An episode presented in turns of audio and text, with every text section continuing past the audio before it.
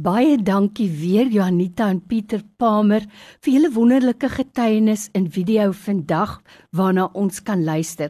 Nou ek wil sommer vir jou as luisteraar sê, as jy die video wil kyk van hierdie ongelooflike getuienis van Blanche Kuyter en haar man Pieter, dan gaan jy net na www.diegetuienis.co.za en dan soek jy dit onder die hoofie Ek wil skei, maar God sê wag. Oor na julle Johanita, baie dankie.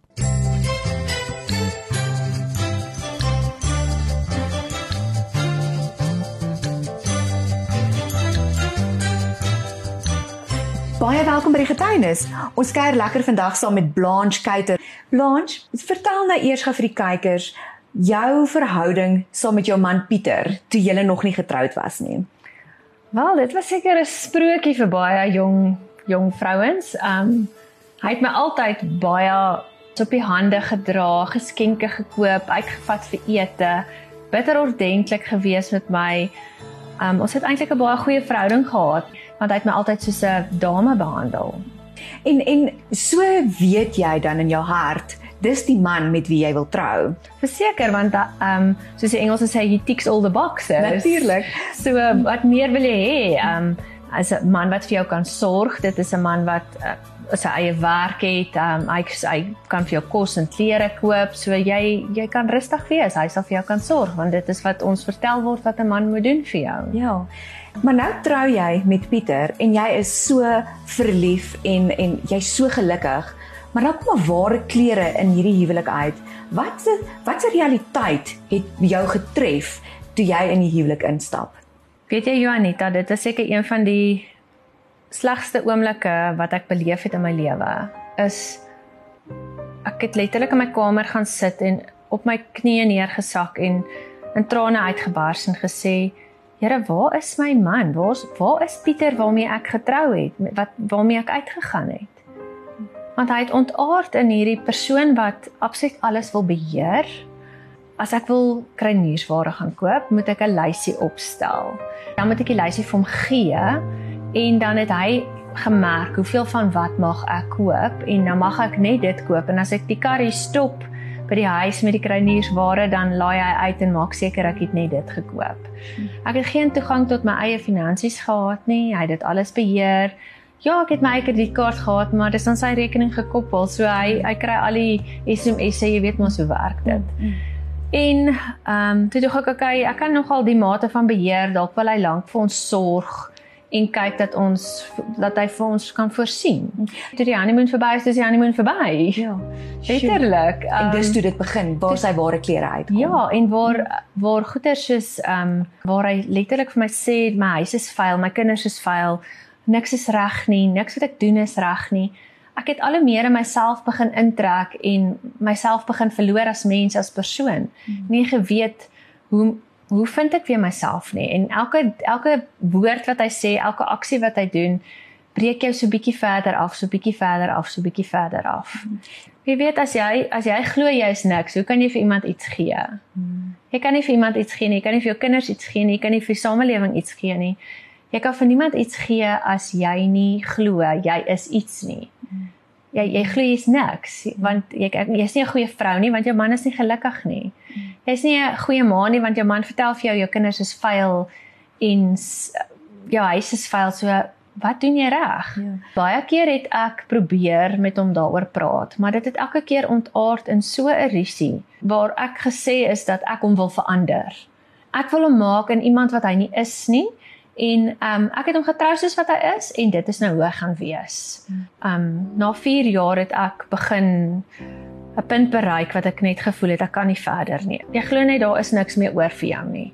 Jy is nie meer goed genoeg vir jou man nie, jy is nie meer goed genoeg vir jou kinders nie, jy is nie meer goed genoeg om die huishouding te bestuur nie alles is net nie meer goed genoeg nie. En jy voel nie meer mooi nie, jy het nie meer lus om gremering aan te sit nie, jy het nie lus om jou hare te kleur of te kam of te sny of te niks nie. Ek dink dit is een van die goed wat my die meeste gepla het, is hierdie verskriklike de mekaar binne in die huis, maar as ons in die publiek verskyn dan het ons hierdie mombakkies op.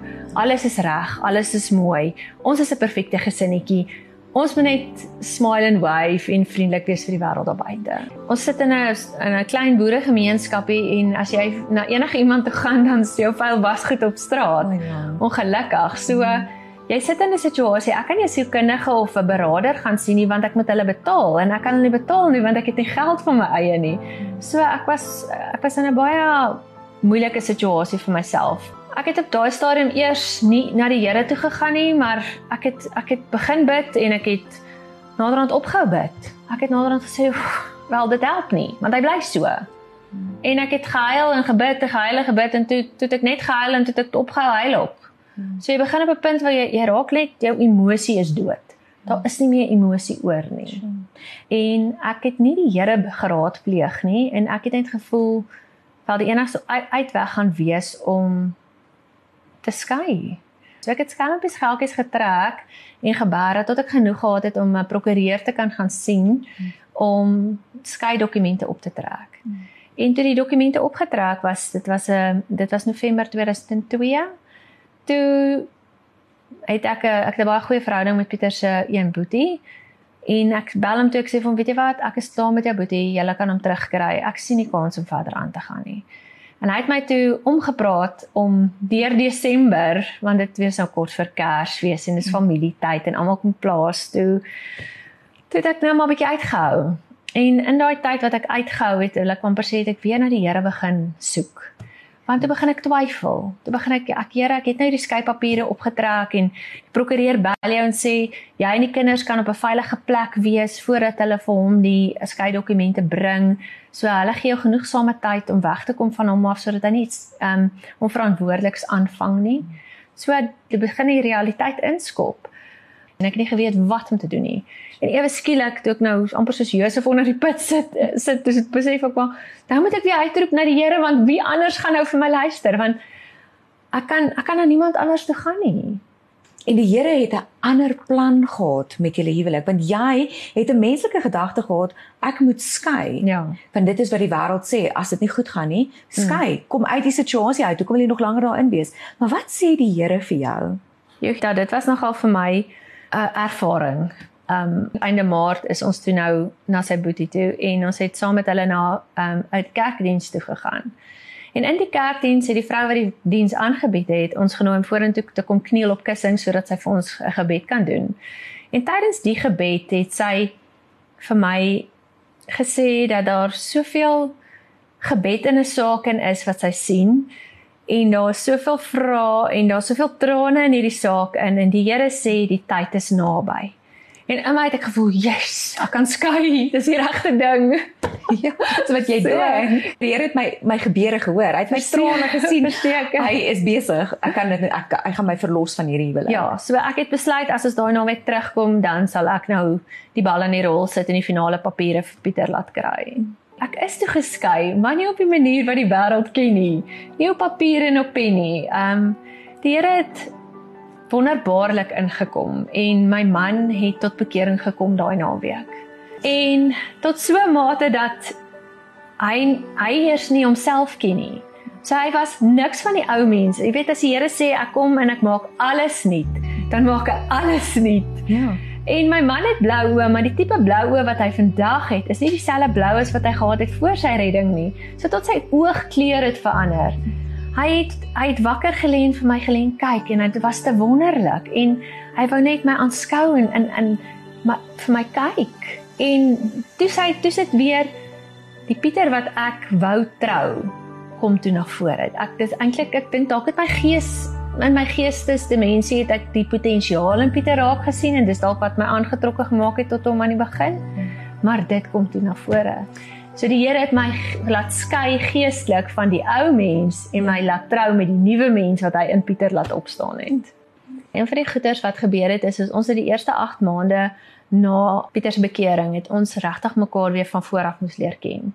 So dit was na 4 jaar se getroude lewe was dit actually weer 8 maande honeymoon.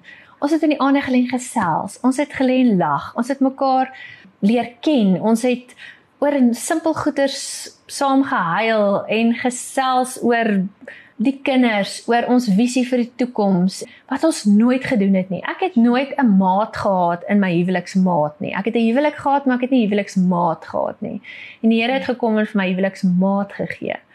Maar een van die moeilike goed wat toe gebeur het is dat die Here het toe nou weet Pieter is nou tot bekering, so die Here praat nou met hom ook. En 8 maande na sy bekering het die Here gesê hy moet met my alles deel.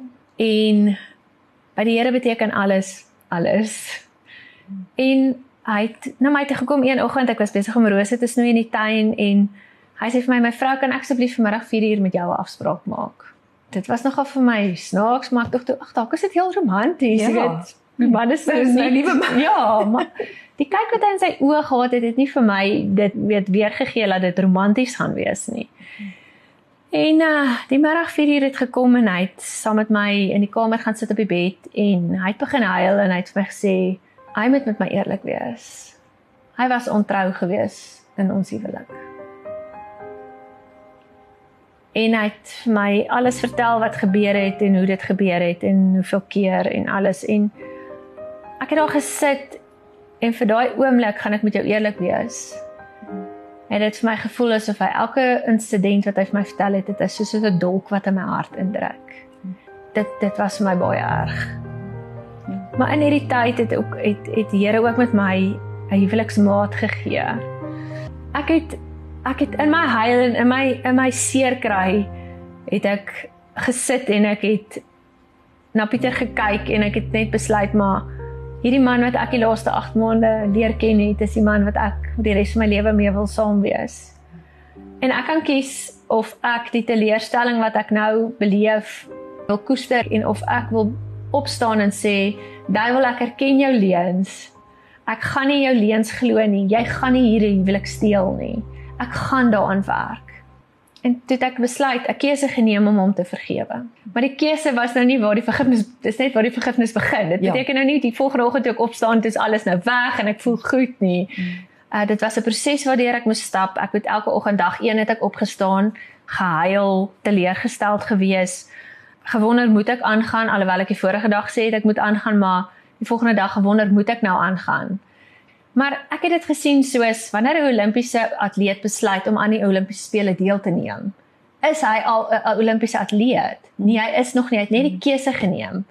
So hy het besluit, môreoggend gaan ek opstaan en ek gaan 'n keuse maak om te gaan oefen. So ek het 'n keuse gemaak om my man te vergewe. So dag 1 was dit moeilik, dag 2 was dit moeilik. Die eerste 6 maande was dit moeilik. Maar hoe langer ek die keuse geneem het en gesê het maar ek vergewe hom, ek ek gaan hom weer vertrou. Ek gaan weer die Here to, toelaat om in my hart 'n vergifnis te kweek en ek daai deur oopgemaak het van vergifnis, Absoluut. kan ek fiks raak in die vergifnisproses. Ja. Want net wanneer ek fiks is, kan ek deelneem en sê ek is het vergewe want ek het die Olimpiese item deelgeneem en ek het dit klaar gemaak. Ek hoef nie te wen nie, ek hoef net klaar te maak Natuurlik. en te sê ek het vergewe. Een van die moeilikste goeters is in jou gedagtes kom speel die duiwel baie speletjies. Ons is in 'n boerdery, al ons plase is nie op een plek nie, so Pieter moet baie keer ry na 'n ander plaas toe. En dis baie keer wanneer hy my toe hy my vertel het wanneer hierdie ehm um, oneerlikheid gebeur het. En as hy gery het dan het ek eintlik weet begin huil want ek het gewonder Here maar hoe vertrou ek hom weer Here en toe besef ek weet jy wat as hy as hy wegry dan moet ek die Here vertrou om met hom te wees. Ek moet vir my man intree in die eerste plek ek moet vir myself intree en is okay ek ek het baie gehuil. Ek is eerlik ek het baie kere gehuil wat hy wegry.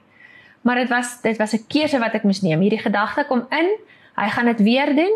Wat gaan ek met hierdie gedagte doen Wat sê die woord? Die woord sê wie, wie ek vrygemaak het is waarlik vry. Ek glo Pieter is waarlik vry. So ek vat hierdie gedagte en ek sit dit by die woord en dan dan verdwyn daai twyfel. En hoe meer jy dit doen, hoe meer jy oefen, hoe makliker kom dit. As hy vandag ry, dan wonder ek nie eers meer daaroor nie.